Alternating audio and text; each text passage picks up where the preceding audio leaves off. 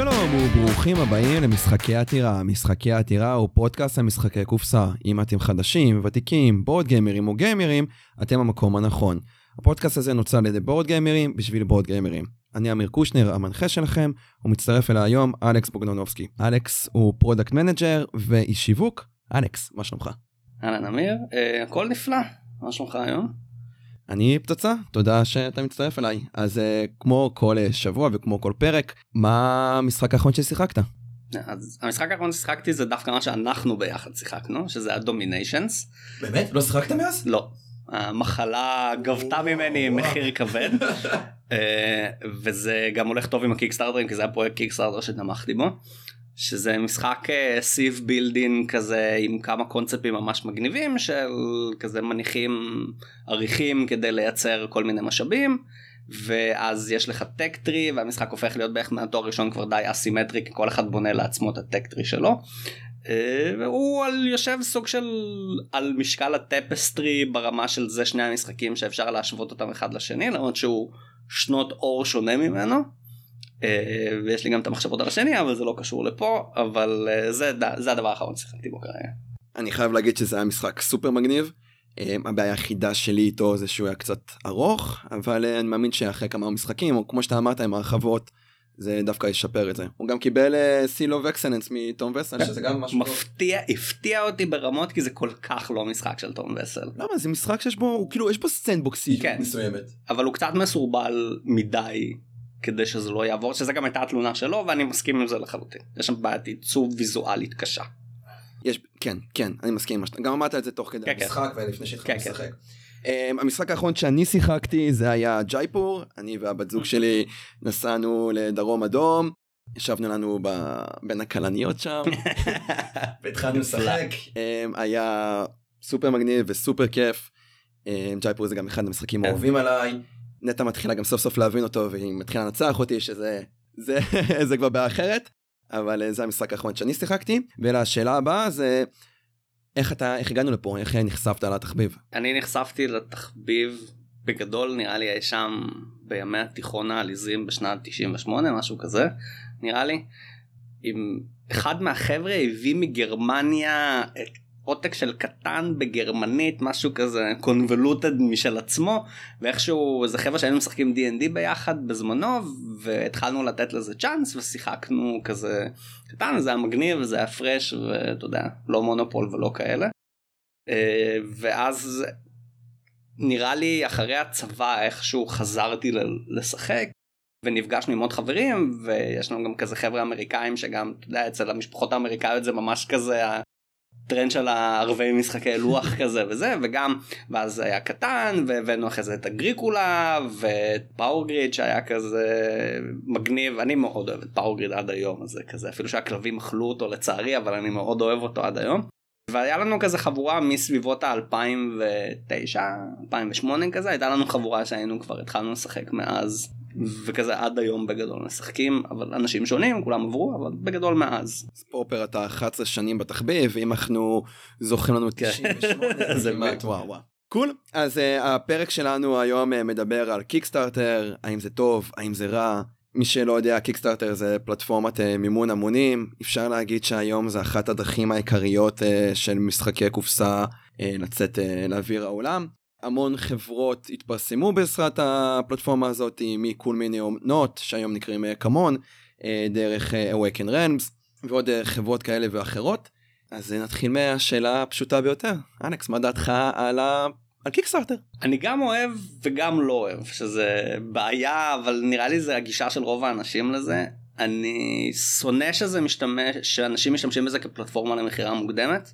אני מאוד אוהב שזה מאפשר לפתח משחקים שפשוט אחרת לא יצאו וזה כולל גם משחקים גדולים שזה כמה מאלה שמגייסים גם מיליונים שזה החלטות כי החלטות כלכליות של חברה הן החלטות מאוד מסוכנות לעשות אותן ואני את זה אני אוהב אני שונא שחברות סטנדרט מוציאות משחקי יורו בינוניים בקיקסטארטר. הכוונה בבינוניים, לא בינוני כבד, אלא בינוני כמשחק. כמשחק, כן. והם רובם גם בינוניים בתחוש, בפיל של המשחק, אבל כן, גם משחקים בינוניים, שיש לי הרבה מאוד דוגמאות כאלה, אני לא אתן כדי לא ללכלך, כי אנשים תמכו בזה, כל אחד שיתמוך במה שהוא רוצה, כולל גם אני, אז זה לא... אבל זה, זה, זה מה שמבאס אותי בדבר הזה. אני, אני בעיקרון חושב, אני די מסכים איתך, אני חושב שלי יש סוג של יחסי אהבה שנאה עם קיקסטארטר, זה כיף לראות אה, פרויקט גדל ומתפוצץ, מצד שני, לי באיזשהו מקום, אה, אני לא, לא יודע אם להגדיר את זה כמקום אתי, אבל חברות כמו קול מיני עונות, הם די, חלאס, תמשיכו, אתם חברות מספיק גדולות, גייסתם מיליוני דולרים, אתם יכולות להתקיים בלי קיקסטארטר. אני זוכר שגם הייתה לנו שיחה, לי ולך, שגם מובילה אותי לשאלה הבאה, שג'יימי סטגמייר, הבעלים של Stonemaier, כמו שציינת, Tapestry Wingspan, Scythe, כל החברים הטובים האלה, הוא דיבר על זה שאתה משתמש כקיקסטארטר לפלטפורמה לבסס את החברה שלך, ומשם אתה יכול להמשיך אה, כמו, כמו גדול. מה לדעתך באיזשהו מקום ג'יימי עושה כאילו בחר בנתיב שלו שאם אתה מסכים אחד עם הנתיב הזה ומה לדעתך לא גורם לי לצורך העניין לתחושת סלידה לחברה כמו קול מיני עונות. יש פה כמה חלקים צריך להתייחס אליהם אחד זה ברמה הכלכלית של כמה עולה לייצר משחקים כמה עולה לשווק אותם וכמה כאלה אם ניקח אה, חברה כמו Cool Mini שבגלל שהיא חברה שהיא ידועה בציבור כאילו היא public אה, אז אפשר לדעת כמה כסף כאילו יש את הדוחות הכספיים שלהם שמשוחררים כל שנה לא בעיה לבדוק מי שמעניין אותו אני במקרה בודק סתם כי זה עניין אותי. זה חברה שעשתה ב-2018 לדעתי כ-15 מיליון. שזה מדהים בתעשייה. זה מכובד לתעשייה שמתוכם הרוב הגדול הגיע ממשחקים בעיקר משלושה קיקסטארטרים או מארבעה קיקסטארטרים שזה בדרך כלל המודל הקבוע שלהם. כל שאר הכסף מגיע ממיניאטורות ודברים בסגנון שזה הם גם עושים כי זה במקור חברת מיניאטורות סינית שקנתה חברה אמריקאית ואז בלאגנים כאלה. זה חברה שלדעתי יש לה מספיק תזרים מזומנים שהיא יכולה לקחת סיכון להוציא משחק עכשיו של מיליון שתאורטית יגייס בקיקסטארטר מיליון דולר ושהוא לא יצליח לא יצליח ברמה כזאת כי היא יכולה לספוג את זה וגם לדעתי מספיק מכירה את הקהילה כדי לדעת מה יצליח ומה לא יצליח. שזה בגדול גם מה שג'יימי סטגמאייר אומר הוא מבחינתו עשה שלושה משחקים בקיקסטארטר הבין בנה שם לחברה שלו הבין מה הקהילה אוהבת ומה לא. שגם משוייך ל brand שלו בגלל זה המשחקים שלו בגדול מאוד דומים עם אה, Euphoria ועם אה, זה של היין. אה, Vinhos. לא Vinhos. אה, Viticulture. Viticulture. עם Viticulture. כן כן. כן. עם Viticulture ועם גם Wingspan עכשיו וגם Tapestry. המשחקים האלה בגדול יש להם קונספטים עיצוביים מאוד דומים אפילו שהם שונים אחד מהשני שמאוד קל לבוא ולהגיד זה משחק של ג'יימי סטגמר ויש לו את הקהל שאוהב את המשחקים שלו והוא היום לא צריך לעשות קמפיין של קיקסטארטר כדי לדעת שהוא הולך למכור 30 אלף עותקים במשחק. הוא יודע את זה. בגלל זה הוא לא עושה את זה. ומצליח לו כנראה לא רע אז זה סבבה אז פה יש עניין בעצם את העניין הכלכלי יש פה גם עניין של שיווק שהוא עניין מאוד מאוד חזק שהיום חברה זה, זה, זה, זה סוג של מגלגל את עצמו כזה כי כולם מדברים על זה. שזה די מה שקורה גם עם pre-order ים אבל לא כל כך חזק כאילו יש לך stretch goals ויש לך את זה שכולם עכשיו מדברים יואו ראית מה היה? הקמפיין של Bloodborne של, של CMON היה אדיר עם הנתיבים השונים שאתה משפיע לאן שזה יחליט ויש סיבה שזה נמצא ב top 20 קמפיינים של קיקסטארטר של 2019 ever כאילו. זה כי זה היה אדיר זה אנשים עף להם סכך מהדבר הזה כי זה היה מגניב. על בצורה ו... מטורפת. וזה משהו שאתה לא תצליח להשיג בשום דרך אחרת כאילו כ pre-order או כ... אין לך, מס... אין לך שום דרך היום לייצר מספיק הייפ אם תיקח את כל ה convention שיש שם וזה כדי לייצר משהו כזה מגניב. אין לך דרך וזה כולל אנשים כי גם פה בקמפיין כזה אנשים שאתה מעסיק אותם שיהיו community managers ושיפמפמו את זה נון סטופ שזה גם הרבה כסף הולך כדי לשלם לאנשים כאלה. אין לך דרך אחרת חוץ מקיקסטארטר לעשות כזה דבר אני, לא קיים. אני לגמרי מסכים איתך כי יש קמפיינים שאתה חווה אותם אפילו אם אתה לא תומך בהם אתה כן, כאילו אדיר.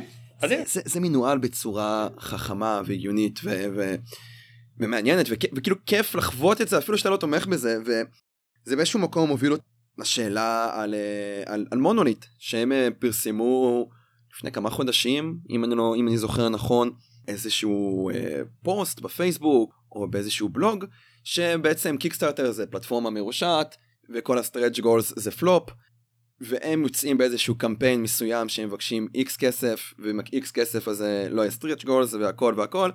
ואז בפועל היה להם איזשהו קמפיין מאוד אה, בינוני והם בסופו של דבר גם אפילו הלכו לקיקסטארטר שזה ב... לא יודע סוג של אירוניה כאן לא יודע מה, מה אתה חושב על, ה, על המצב הזה. אם נלך לקטע של בלי stretch goals יש שם כמה וכמה מעצבים שעובדים סנדי פיטרסון לא עושה stretch goals למשל אצלו הוא פשוט מוציא לך את כל המשחק as is זה התוכן שאתה מקבל. ונגמר אני, אז אני יכול לבחור עוד הרחבות או דברים כאלה אבל זה מה שאתה מקבל וכן יש מיליון מיניאטורות וזה. מונוליף שנה שעברה לדעתי אם קצת להקדים לזה היה איזה מאמר שהם אה, פרסמו על, על המודל העסקי שלהם של איך הם עובדים והם הראו שהם את הכסף האמיתי שלהם הם עושים פרינט שני תמיד ככה עובדים על המשחקים שלהם הם הפרינט הראשון אף פעם לא מכסה את עצמו ו, וכל הכסף שלהם מגיע מהפרינט השני זאת אומרת אם משחק מגייס להם שלוש כאילו הם מרוויחים שלוש מיליון דולר אז הם עושים בערך מיליון על הראשון ועוד שני מיליון על השני עם קיזוזי רווחים כל הרווח 70% מהרווח מגיע מהפרינט השני. ככה זה עובד יש לך כבר את כל הקבצים לא צריך לשלם לאומנים כל הדברים האלה ואז כאילו אתה מייצר יותר. קיקסטארטר זה הדרך שלהם כי עם כל הכבוד למונוליט אני לא חושב שזו חברה שיכולה היום לשים מיליון וחצי בצד ולאכול את זה. זאת אומרת הם צריכים איזשהו קפיטל כאילו מראש כדי לשים כל כך הרבה כסף במיוחד אם הם יודעים שהם הולכים להפסיד בפרינט הראשון שיהיה בערך 15 אלף עותקים 20 אלף עותקים משהו כזה. אז אתה יודע, זה, זה לגמרי ללכלך על היד שמאכילה אותך כאילו כזה. כן, זה קצת. אין פה אין פה מה לעשות אבל אני לא רואה אותם עם, עם המשחקים שהם עושים. כל עוד הם לא יתחילו לעשות עוד הרבה משחקים קטנים על הדרך שייתנו להם מספיק הון כדי לעשות את הדברים הגדולים שזה דרך אגב מה שסימון היום עושים כי הם עושים הרבה משחקים קטנים מנסים לעשות הרבה משחקים קטנים שיכניסו להם כסף כדי כנראה להתמודד עם הקמפיינים היותר גדולים. אני לא רואה שום דרך שזה ישתנה. אז כל הקמפיין הרציני שהם פתחו איתו כסוג של כנגד אני עושה גרשיים כן. כנגד קיקסטארטר הוא. תראה אני לא רואה דרך אחרת שהם יכולים לעשות את זה אלא אם כן יש להם איזה דברים בשרוול שם או ש... כל, כל הביזנס שלנו יתחיל להתנהל יותר כמו חברות עם משקיעים והייטק במקום אתה יודע פשוט חברה שהיא מייצרת מוצר מוכרת אותו והלאה. ואלא זה יתחיל להיות השקעות לטווח ארוך אני לא רואה את זה משתנה כי לפחות לא מבחינתם כאילו קשה לי לראות. יצא לנו לדבר על חברות גדולות על סטון אה, מאייר על אה, שעשתה את המעבר הזה קול מיני שכנראה לא תעשה את המעבר הזה אה, דיברנו על מונוליט ובוא נעבור לשם החם אפשר להגיד היום בתעשייה שזה awaken realms שהם אה, אם אנחנו נסתכל על הטופ 10 אה, most funded Kickstarter games הם לדעתי תופסים שם שתיים או שלוש מקומות עם Tainted Grail, Etherfields ו Nemesis. כן נראה לי נמסיס. האם החברה הזאת בשלה לעשות את המעבר הזה או שגם היא תהיה סוג של Cool Mini or Not ותהרוג אותנו בקיקסטארטרים עד יומנו האחרון. אני זה שאלה זה שאלה טובה כי זה, זה משהו ש, שחושב, אני, אני אישית חושב שה Awaken Realms של היום זה Cool, זה Cool Mini מלפני חמש שנים. אני מסכים איתך. אני, יש, אני יודע שיש הרבה אנשים שרואים היום את ה Awaken Realms, זה דבר מגניב וכאלה. וזה. Cool Mini הייתה שם, אנשים פשוט מסרבים להאמין בזה שזה, ככה כולם הסתכלו על Cool Mini בזמן לפני חמש שנים. ו... אז זה עכשיו הם מבינים תראה הם, הם, הם מתחילים להוציא עכשיו השנה ניסיון ראשון להוציא משחק קטן במרכאות אני גם של ה Great Wall שהוא בלי מיניאטורות יש וריאציה שלו בלי מיניאטורות עם מיפלים והכל ב-40 דולר למשחק legit לחלוטין זה גם נראה משחק די חביב כזה ש- שיורו כזה בינוני פלוס מגניב שכמובן הם בגלל שזה קיקסטארטר אז גם יש אופציה למיניאטורות שעולה איזה 100 דולר יותר וזה מגניב והאבסורד שהרבה יותר קנו את המשחק עם המיניאטורות מאשר בלי המיניאטורות שזה בעצם אומר שיש לך פה בעיית gameplay. כי... מה זאת אומרת בעד גיימפליי? כאילו אם, אם הגיימפליי מספיק טוב אתה לא צריך מיניאטורות. בגדול המיניאטורות זה תוסף מגניב עכשיו אתה יכול לבוא ולהגיד כאילו כן לא אתה יודע אבל אני הייתי מצפה למשחק כזה שעוד פעם מכרו אותו ב-42 דולר 45 דולר למשחק עם השילוחים שלהם שהם עושים שילוחים בעצמם אז המחירים משלוח שלהם גם ככה תמיד מאוד זולים. הייתי מצפה שכל כך הרבה אנשים יקנו את המשחק הזה בלי המיניאטורות וזה מאוד הפתיע אותי כאילו זה לא הפתיע אותי עוד פעם אני מעניין אם יש איזה אתה יודע הם בטוח עושים התפלגות מדינות וכמה אמריקאים תמכו בכל האלה של המיניאטורות מול כמה גרמנים עכשיו הזמינו את המשחק הזה בלי מיניאטורות או דברים כאלה. ממש לראות את זה. כן, זה, זה דברים שאין צריכים לעשות אבל כאילו הם מנסים אני מקווה שהם יוציאו עוד משחקים במרכאות קטנים שלא יהיו כאלה בומבסטיים כי הם עובדים על גיימפליי הם עובדים על זה אה, אני לא יודע עוד פעם אני לא יודע כמה כסף הם עושים יש לי את הערכות שלי של כמה הם מרוויחים וכמה צריכים לשלם שם לאנשים ולדעתי הם גם בגלל המחירי משלוח הזולים שלהם הם אוכלים הרבה מהמשלוח על עצמם שזה הדרך שלהם בעצם לשלוח גם לארץ משחק של 8 קילו ב-40 דולר שאין כזה דבר פשוט שום חברה אחרת לא מסוגלת לעשות את זה. מטורף.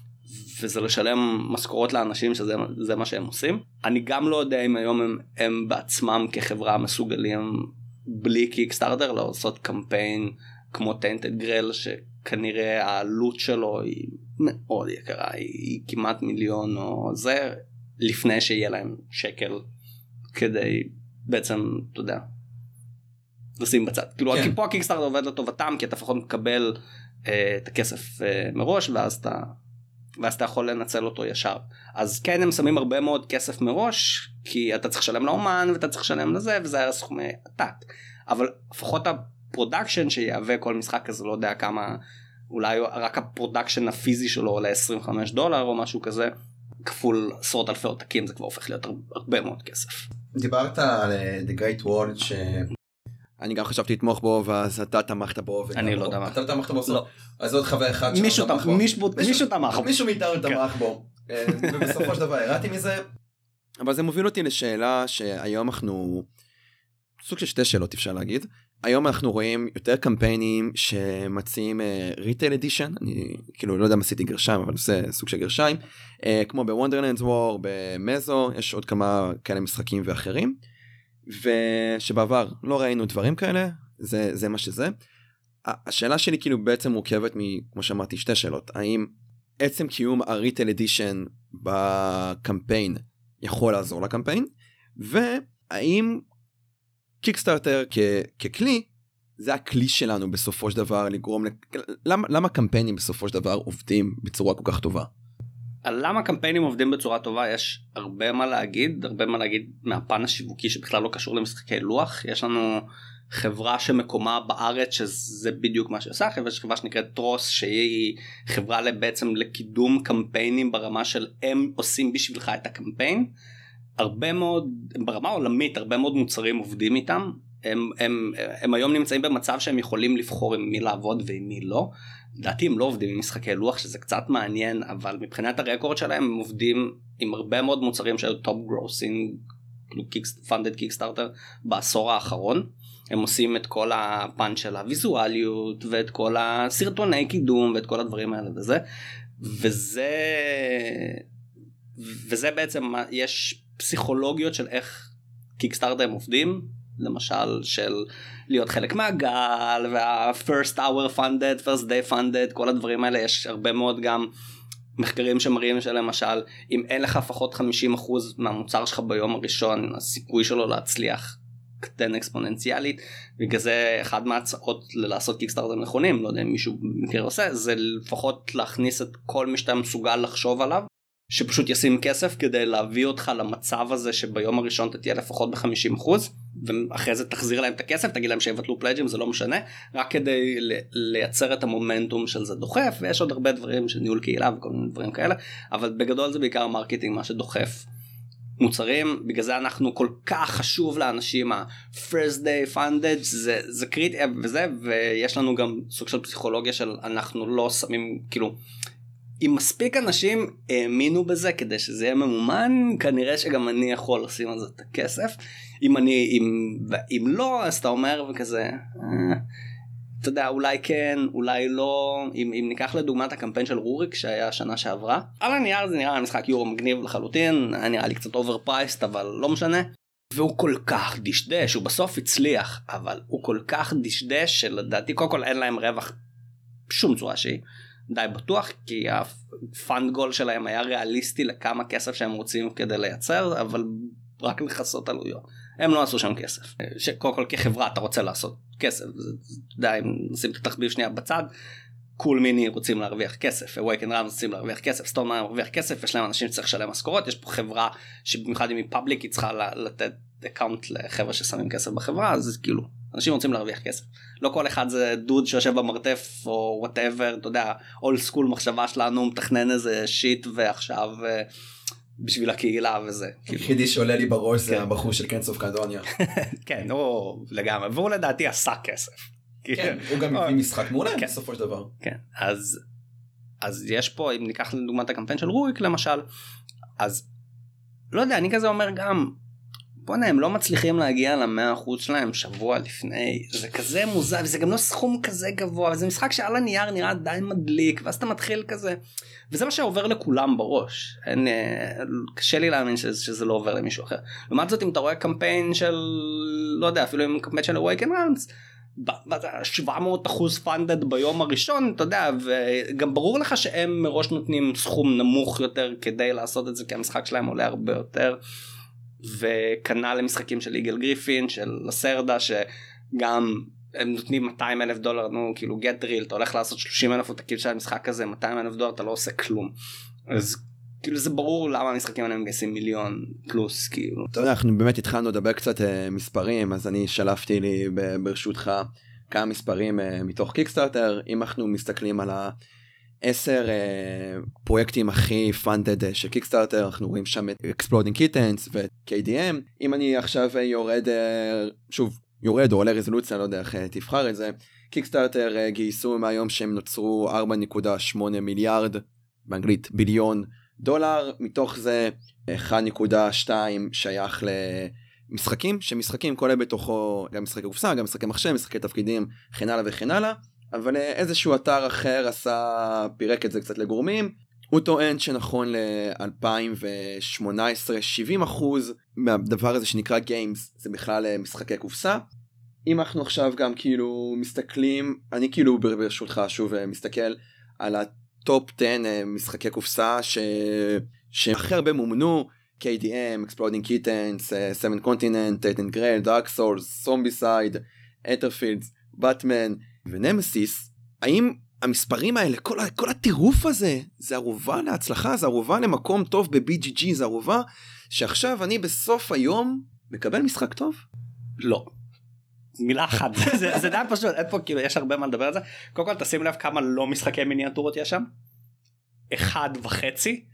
בוא נגיד שתיים כי Seventh Continent זה לא משחק מיניאטורות אבל הוא שותף להרבה מאוד לא יש שם בגדול תחת משחק אחד שהוא outlier לגמרי שזה Exploding Kittens וזה הגיוני לחלוטין. גם מעבר לזה תחשוב כמה אנשים תמכו בו כי הוא משחק זול מאוד בשונה מ-100 פלוס דולר על משחק של CMON Awaken Realms זה משחק של 15-20 דולר whatever אז מראש פי 3 פי 4 אנשים כבר רוצים אותו שזה כבר. אז uh, משחקי מיניאטורות רוב הכסף מגיע זה לא בעיקר מכמות האנשים זה כי המוצר יקר וזה זה יש משחקים אני צריך להסתכל עוד פעם על כל הזה אבל בגדול עם מוצר יותר זול אתה יודע יכולים לתמוך בו יותר אנשים וזה עדיין לא מגיע למספרים האלה. זה גם אומר שבסופו של דבר יש יותר אנשים שנהנים מהמוצר הזה מאשר עם באטמן ב-300 דולר ו Exploding Kittens ב-20 דולר אז בשביל להביא את באטמן ל-3 מיליון צריך אתה יודע כמה עשרת אלפים אנשים שיתמכו בו כדי להביא את Exploding Kittens לשלוש מיליון צריך עוד אפס שם כאילו. אז זה אומר שהרבה יותר אנשים רוצים את Exploding Kittens מבטמן תכלס. כן. ברמה העקרונית. זה אומר יש הרבה יותר אנשים שמוכנים לשלם על בטמן כאילו כזה סכום שזה לא אגיד שזה מפתיע אבל כאילו זה סכום עדיין מאוד גדול. אה, אבל ערובה זה בטוח לא עובדה שיש משחקים עם ביקורות די גדולות עליהם לרעה נקרא לזה שגייסו סכומי כסף מפגרים סליחה שאני אגיד ככה כאילו. סכומים מאוד גדולים שהם על הנייר משחקים בינוניים פלוס או מינוס לא יודע תלוי את מי תשאל.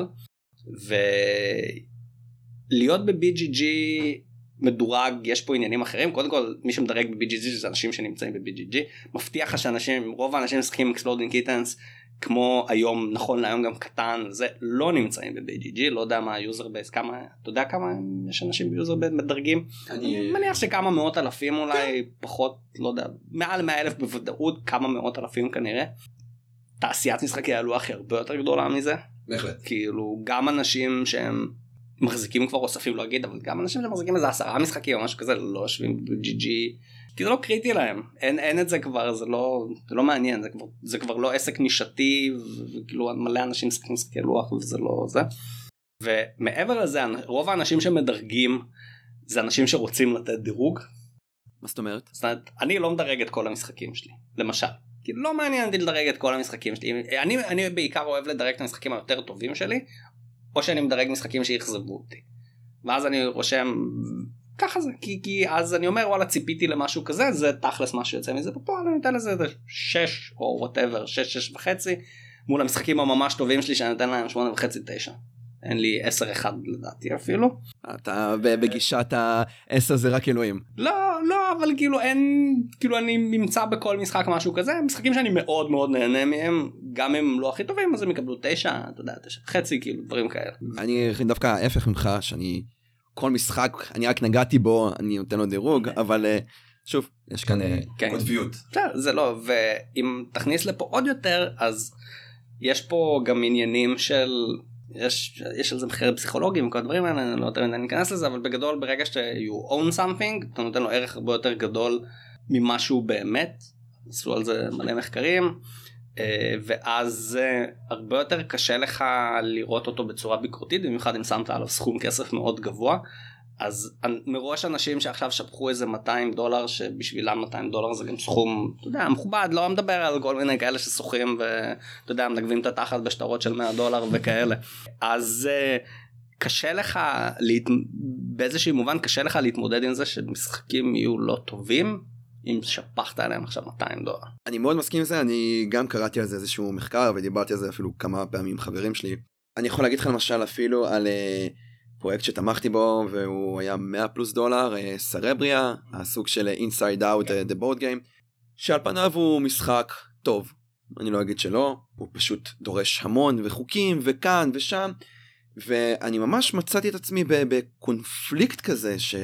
האם המשחק באמת טוב, או עצם זה שתמכתי בו ולקחתי חלק בהפקה, והם עשו גם קמפיין מאוד טוב ומאוד uh, כיפי. כן, זה של Mindclash היה, כן, נכון? של Mindclash, כן. וממש עירבו את הקהילה. האם, כאילו, מה, מה קורה שם? בסופו של דבר, שוב, היה לי גם שיחה על זה עם עוד חבר ששיחק איתי, והגענו למסקנה שאני מאוד מושקע בזה רגשית. ועזבתי את המשחק, אני עדיין חושב שזה משחק טוב, לא, לא משחק וואו, אבל פשוט יש לי משחקים שעושים את זה בצורה טובה יותר, ו... שהייתי מעדיף להביא אותם לשולחן אני לא לא מביא על זה ביקורת פשוט אני כאמיר פחות uh, מתחבר אליו. אתה דיברת לצורך העניין על המקום הזה של החיבור רגשי למוצר עקב זה שהשקעת בו. Uh, מושג חדש היום uh, סוציולוגים התחילו להשתמש בו בהשוואה לפומו שזה fear of missing out הם התחילו להשתמש גם בפובו fear of better option שאני גם מוצא את עצמי הרבה פעמים מסתכל על קיקסטארטר ואני כזה רגע אבל עוד חודשיים מגיע קמפיין של של מיני עונות עדיף לשמוע את הכסף, עדיף להוציא את הכסף. איך פובו היום משתלב במושג הזה קיקסטארטר ואיך חברות יכולות להתמודד איתו? אחד צריך לחשוב כמו כל דבר יש את המוצר ויש את האנשים שקונים את המוצר והדבר הכי חשוב זה אנשים שקונים את המוצר ועל זה מה שצריך לחשוב. אז אם נניח נשים בצד את האלה שקונים כל דבר ונסתכל על רובנו שאתה יודע אז או שאם אתה מנהל איזשהו תקציב כזה זה קשה אחד זה סוג של מחייב אותך לעקוב אחריהם או כל מה שייצא בשנה הקרובה ולא כולם כאלה אתה יודע אתה גם מפה מגיע לאיזשהו אחוז נמוך וזה ואז מה אה, אני אשים עכשיו 200 דולר כן פה יצא בריטל עוד שנה אני אקנה אותו עוד שנה ב-50 דולר פה כאילו. אתה יודע זה הרבה כאלה. אני אישית לא חושב ככה אני היום לפחות היום נוטה להסתכל על אם זה משהו שבאמת בא לי אז אני אקנה פחות על המחיר, כאילו גם המחיר פה פקטור אבל פחות על המחיר ואני לא אחפש רק שזה יהיה בדיל או זה כי אחד אתה קונה הרבה שטויות כשאתה מחפש רק דברים בדילים זה נראה לי כולנו חווינו את זה שזה היום כאילו כשאתה יותר כזה בוגר בפשן אז אתה רוצה להיפטר ממלא מהמשחקים שלך כי כזה די, אני מעדיף היום להחזיק אוסף הרבה יותר מצומצם איזה חמישה משחקים מסוג וזה המשחקים שאני אעדיף לשחק אותם כל הזמן וכשאני קונה משחק חדש שוואלה לא קניתי כבר איזה כמה חודשים טובים משחק זה כי ממש בא לי אותו. אומר מישהו שנגמר לו המקום בספרייה. כן כן יש שלף אוף שיים והכל וצריך גם להיפטר ממנו לגמרי לגמרי וכאילו הקיקסטארטר האחרון שנכנסתי בו היה אירופה אוניברסליס. שזה משחק שהוא לא יצא לריטל אז זה הדרך שלי וגם זה המשהו שכל כך רציתי שאמרתי אין מצב שאני לא נכנס לזה. כאילו that's it. כזה. ו... אתה נגעת בשתי דברים שאני חשבתי עליהם. מחשבה של משחק עכשיו שהולך להגיע לריטייל אני כמה או כמה פעמים אה, חוויתי את המחשבה הזו שאני מסתכל על המשחק ואני אומר אוקיי הוא יגיע לריטייל ולא בא לי לשים 100 אה, פלוס דולר מה גורם לאנשים להתנהג כמוני ומה גורם לאנשים להחליט כאילו אתה אמרת שאתה רוצה את זה עכשיו נגעת את זה באופן אה, מאוד uh, קצר אבל אם, אם תוכל להעמיק זה יכול להיות מגניב אבל מה גורם למישהו עכשיו ולהגיד שמתי 100 דולר יאללה ליבינג דליבר לוקה. אני אתן לך דוגמה נפלאה לזה כי תמכתי בגרסה החדשה של ידו. ואת האמת אני די מתבאס לא מוצא כאילו כשאני חושב על זה היום אני אומר בואנה אני אקנה הייתי צריך לקנות את זה בריטל. זה נראה לי מיותר לגמרי. אחד הייתי יוצא עם זה הרבה יותר זול בריטל. כאילו זה היה לי יש לי חיבה למשחק ויש לי זה ואמרתי כבר עושים קמפיין וזה אבל זה יצא לריטייל אז אני לא מפספס פה כלום וכאילו אז כן אז אתה מרגיש את החלק מהקמפיין וזה. נגיד אירופה אוניברסלי שעלה 150 דולר למשחק. פה זה היה ברור בשבילי כאילו שהכסף הזה צריך להיכנס כי זה הדרך היחידה שהקמפיין הזה יצא לפועל עכשיו הקמפיין הזה יצא לפועל גם איתי או בלעדיי כי יש מספיק טמבלים כמוני שאוהבים משחקי אסטרטגיה כבדים שמבחינתם מחכים שנים לדבר הזה אבל כן זה העניין הזה של להיכנס לתוך הקמפיין ואני שם עכשיו 100 דולר. פרטוביץ' זה כאילו להיות חלק מזה במיוחד אם זה משהו שאתה יודע שיש סיכוי טוב שהוא לא יצא בצורה מסחרית אחרי זה. וזה לא בהכרח אפילו קמפיינים עלומי שם של עוד פעם ניקח את דרופ אוניברסלס אפילו משחקים של awaken realms שלא יצאו בצורה כאילו Tainted Grail ו Etherfields שלא יצאו בצורה מוסדרת ל retail אלא רק כל מיני חנויות retail שקנו איזה 10-20 עותקים ונגמר אבל זה לא יצא עכשיו בעוד 5,000 או 10,000 עותקים ל retail אז כן אתה רוצה להיות חלק מה shit הזה ולשים 100-150 דולר וכאילו fine ואז אתה גם תהנה מזה ממש כשזה יגיע גם אם זה משחק לא טוב. למען האמת יש לי חבר שגם דיברנו על זה לפני כמה זמן שאמר לי באופן אה, מאוד ברור אני לא קונה משחקי retail אני קונה רק קיקסטארטרים retail אני יכול אה, מישהו ימכור כנראה יד שנייה בתקופה זו או אחרת אז חבל לי לבזבז את הזמן ואת הכסף שלי וקיקסטארטר וואלה אני תומך במשהו שיש מצב שהוא לא יגיע לשוק כמו כמו שציינת. אז אה, אני שוב אני מאוד בקונפליקט כזה כי המשחקים שאני תמכתי בהם שעדיין אצלי על המדף זה אולי רק אחד שבסופו של דבר יצא לשוק במחיר אה, הרבה יותר אה, סבבה. אה, קרה לי מצב הפוך שעם Thunderstone Quest למשל שקניתי את ה retail ומאוד נהניתי ואז אה, רציתי לקנות את ההרחבות שהם הוציאו והם שמרו איזה הרחבה קיקסטארטר exclusive פה לשם ההבנה הייתה שעדיף לקנות את הקיקסטארטר הצלחתי להשיג את הקיקסטארטר אבל זה גם מביא אותי לחברה כמו AEG שהיא חברה גדולה והיא קיימת בשוק כמה שנים והיא לא הייתה צריכה קיקסטארטר בכלל והיא באה ומחליטה לעשות את המהלך הזה מה דעתך על חברות כאלה? שיווק נטו. כאילו מהלך כזה של AEG זה שיווק נטו. גם מהלך של איגל גריפין זה שיווק נטו.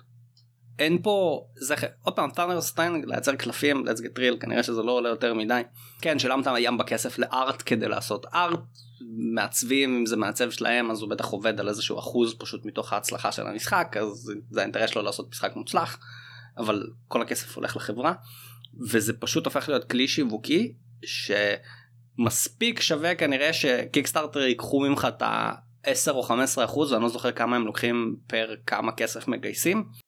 כנראה שיש גם שם איזושהי סקאלה אבל זה מספיק שווה להם לשלם את הכסף הזה אקסטרה כדי להרוויח את האקסטרה אנשים דרך כל המערכת marketing של מה זה מוצר קיקסטארטר. ככה זה עובד בגדול כי מוצרי כי עוד פעם יש פה הרבה דברים אני גם יכול לחפור על הפן הטכני של זה וכל זה של, של marketing לפחות במובן הזה אבל בגדול ככה זה עובד וזה למה הם, הם כן בוחרים לעשות את זה שאין שום בעיה לעשות את זה אחרת. אוקיי okay, אני אני מסכים עכשיו כאילו שאלה שתמיד רציתי לשאול אותה כבר אפילו די בהתחלה זה האם אתה חושב שיש משחק שקיבל יותר מדי אהבה או יש משחק שלא קיבל מספיק אהבה אתה יכול אה, לחשוב על משחקים כאלה. שאלה מתקילה כי כי כשאני חושב על משחקים אני חושב על משחקים כאילו מהדעה כאילו גם על המשחקים שאני תמכתי ויש יש לא מעט פלופים שתמכתי בהם. לא עולה לי לראש יותר מדי משחקים שלא קיבלו מספיק אהבה אולי נשים עוד פעם את אירופה אוניברסליס כרגע אבל זה גם מהמקום האישי שלי של כאילו אתה יודע זה, זה לדעתי הולך להיות the next big כאילו twilight imperium space opera לא בחלל אלא כאילו זה יהיה the next big shit כאילו לדעתי מבחינת משחק כזה אפי שיהיה. קרוסיידר uh, קינס למשל שתמכתי בו היה די פלופ בתור משחק כאילו הם עד היום מוציאים שיפורי חוקים שזה פלוס שנה אחרי. שזה יפה שיש להם את הקשר הזה בקהילה. כן כל הכבוד לדבר הזה אבל זה באסה כי זה קמפיין פשוט שהתנהל לא טוב יש פה מבחינת הקמפיין. Underrated לא עולה לי כאילו כל המשחקים שאהבתי של קיקסטארטר הם גם גייסו די הרבה כאילו לא זה לא היה איזה משחק שגירד את ה... אתה יודע את הרף התחתון ופתאום הוא התגלה להיות איזה משהו מדהים שכולם עבר להם אין כאלה כאילו לא לא עולה לי בטוח שיש כאלה לי לא עולה לראש כאילו. אולי אפשר להגיד על רוריק שציינת אני לא יודע אני לא יודע כמה הוא היום מוכר אני לא יודע זה אנשים נהנים ממנו אבל אתה יודע נהנים גם מהרבה משחקי יורו אחרים. כאילו זה הרבה יותר קל לי למשחקים להגיד כזה דבר על משחקים דווקא פשוט רגילים שיוצאים לשוק שבלי שנאמר על זה הרבה. אז, אז בוא כאילו... נדבר על משחקים שיצאו לפרינט שני אפשר להגיד. היה להם כאילו קמפיין ראשון די מוצלח והחליטו לצאת אה, לפרינט שני ו... סוג של התפוצצו שם שזה גלום אייבן שהיום הוא מדורג כמשחק הטוב ביותר uh, ב-BGG שבקמפיין הראשון אם אני לא טועה גייס uh, פחות ממיליון ובקמפיין השני גייס 2 מיליון צפון אפילו. uh, Vindication שהוא היה משחק עלום שם שאני זוכר שמישהו בקהילה אמר חבר'ה תזכרו את המשחק הזה אני הולך להתחרט עליו שלא תמכתי בו. ואז הוא יצא בסבב שני במחיר כמעט כפול מה... מהקמפיין הראשון גייס איזה מיליון פלוס דולר מה אפשר ללמוד או להבין על משחקים כאלה או מה חברות יכולות להבין מדברים כאלה. עכשיו גם פה יש שתי רמות אחת מהן כבר דיברנו עליה קודם שזה הרעיון של מונוליט של לעשות פרינט ראשון ופרינט שני זה ככה חברה עושה את הכסף שלה. כאילו כשכבר עשית כמה עשרות אלפי עותקים בפרינט הראשון כולם מדברים כאילו המשחק כבר עשה את, את, את שלו נקרא לזה כולם מדברים כולם רוצים עותק אין עותקים אנשים מוכנים לשלם יותר בשביל עותק וזה עבד נפלא עם וידיקיישן אחלה משחק לי יש עותק פסוט עליו עד הגג אחד המשחקים הכיפים אה, מבחינתי זה הטליסמן הדור הבא כזה סוג של בגדול. אבל אה, זה ברמה הראשונה. ברמה השנייה זה כשעושים מספיק שינויים שזה יצדיק בעצם. כאילו הרן הראשון היה בינוני כזה ואז החלטת לשנות לשנות מספיק ולשפר אני אני מקווה להגיד כאילו אני רוצה בלב שלם להגיד לשפר את המוצר למרות שאתה יודע לא תמיד זה שיפור של המוצר אבל אני נגיד לשפר את המוצר שלך ואז אתה נותן להם משהו יותר טוב. ואז זה מצדיק פרינט שני וגם בדרך כלל כשאנשים מתנהגים ככה אז הקהילה אוהבת את זה. רוב התומכים מגיעים מתוך הקהילה וזה לא ה-casual gamer. כאילו. אז זה בגדול ה... קול. זה תשובה מעולה ואני ממש אה, מעריך אותה. אז דיברנו על אה, מחירים של קיקסטארטרים, על העלות הגבוהה של קיקסטארטר, שיש חברות שסופגות, לא סופגות, כל אחד והאסטרטגיה שלה. אני רוצה דווקא לתקוף את זה ממקום אחר. אני יכול אה, להגיד עליי שאני, אחד התחביבים שלי זה שאני פודי, אני וחברה שלי אוכלים לפחות אה, פעם, פעמיים בשבוע בחוץ. פעם בתקופה מסוימת הולכים למקום שהוא יקר, מסעדת שף, אבל לי, כאמיר, קשה לי עכשיו לבוא ולשים 100, 200 דולר על משחק, ולשים סכום מאוד גבוה על מסעדה, יושב לי דווקא במקום מאוד סבבה, שאם אנחנו מדברים על בנק פור דה באק או אה, עלות תועלת, זה, זה מגוחך. כן, אז מה שנכנס פה זה משהו שהוא עלות תועלת נקרא לזה, בסדר? אבל לפחות ברמה הרגשית פסיכולוגית. זאת אומרת, אתה הרבה יותר נהנה לשבת לאכול בארוחה. אפילו שעוד פעם היא תצא מהגוף שלך תוך איקס שעות וזה כי היא יצרה אצלך איזושהי חוויה שהיא הייתה מאוד כיפית כאילו אתה נהנה מאוכל אני גם למשל פודי מאוד גדול אבל אני למשל לא אוהב לשבת במסעדות יוקרה. אני אעדיף תמיד לאכול המבורגר מללכת ולאכול משהו סופר פנסי במסעדה הזה. כי אני לא מרגיש למשל שלשבת במסעדה שווה לי אבל המבורגר כיפי וטוב כזה אני אתה יודע עושה אצלי איזושהי חוויה כיפית לגמרי. וכנ"ל אם ניקח את זה אצל משחקים זה לשים עכשיו 200 דולר על משחק, בוא נגיד תשחק בו 10 פעמים, 10, זה, זה כבר הופך כאילו להיות מאוד משתלם, זאת אומרת זה לא משנה שבאמת המשחק עולה 200 דולר, כמו שלא משנה שבאמת KDM עולה 300 פלוס דולר. הרי אם אתה תשחק בו והוא ייתן חוויה טובה, הוא שווה את זה. כאילו אין פה מה לבוא ולהתרגש מזה שמשחק כזה עולה הרבה ואני יכול לקנות עשר משחקים במקומו. יופי, ותשחק בכל אחד מהעשרה האלה פעם פעמיים מול אחד שמייצר אצלך איזושהי חוויה קבועה טובה. אם לא תהנה ממנו, זה על הפנים. אבל בסופו של דבר, אם אתה עכשיו שם 200 דולר על משחק, ואתה נהנה ממנו, הוא שווה את הכסף הזה. כאילו, אי אפשר לחשוב על זה בזה שהוא לא שווה את הכסף הזה. אתה יודע, אם ניקח שנייה את הקונספט של משחקי לגאסי, למה אנשים כל כך קשה להם לזרוק את המשחק אחרי שהם סיימו לשחק בו? הרי אכלת פיצה, אתה זורק את הקרטון, מיצית, עשית משחק לגאסי, גרם לך לשבת עשרה משחקים. אין לי כל כך הרבה משחקים שישבתי לשחק בהם עשרה פעמים. אם זה גרם לי לשחק עשרה פעמים, זה הצדיק את עצמו, מבחינתי אין לי שום בעיה לבוא לזרוק את המשחק הזה לפח אחרי זה. הוא עשה את העבודה.